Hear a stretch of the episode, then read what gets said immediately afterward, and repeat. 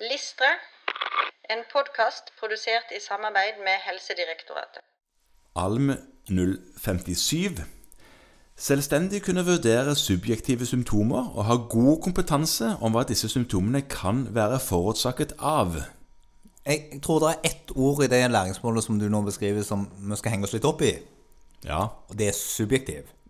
ja for det betyr at den enkeltes forklaring av hva som plager, eller tolkning av sine egne symptomer, kanskje Ja, opplevelse av symptomene, tenker jeg. Og, og det er liksom i motsetning til i, I den grad du kan si det, så er altså 15 løse tømninger, avføringer på et døgn, det er et relativt objektivt symptom. Ja, Noen kan telle hvor mange ganger du måtte på do. Ja, Ja. og selv om det er deg sjøl, så er ikke det en subjektiv opplevelse av det. Det Nei, Din subjektive opplevelse av noe er at du syns at det kribler litt på utsiden av høyre lår. Ja.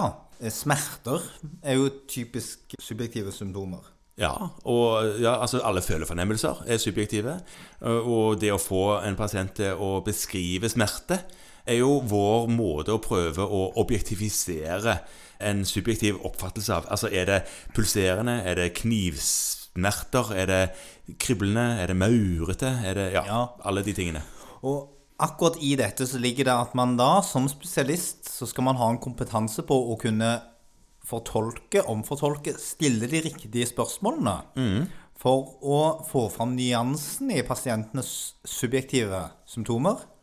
Og sette dette inn i et system som gjør at man kan klare å sannsynliggjøre hvilke tilstander dette kan være relatert til. Ja, Det handler om å oversette et lekmanns subjektiv referering av sine følte symptom inn i vårt eh, på en måte mer stringente rammeverk av diagnoser. Ja, og det krever også trening og erfaring, og det krever mye kunnskap.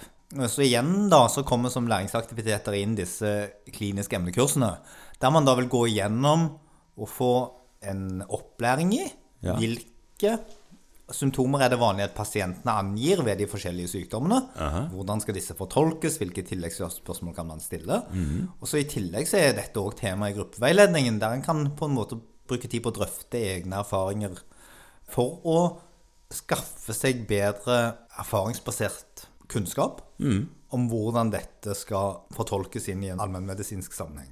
Og det som kanskje òg, selv om det ikke står eksplisitt i eh, dette læringsmålet her, så syns jeg at vi kan minne om kommunikasjon her òg. For nettopp i det å oversette subjektive beskrivelser av symptom, så er det lett å gå i den fellen med at man stiller lukka spørsmål og prøver å oppfylle sin egen idé om hva dette kan være. F.eks.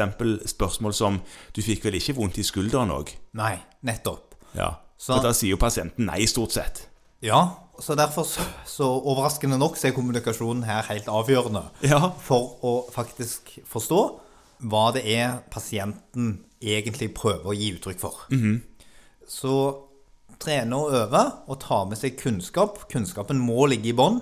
For uten kunnskap om hvilke diagnoser som følger hvilke symptomer, eller omvendt hvilke symptomer som tyder på hvilke diagnoser, Ja. så er jo selv god fortolkning av pasientens subjektive symptomer helt verdiløs. Ja.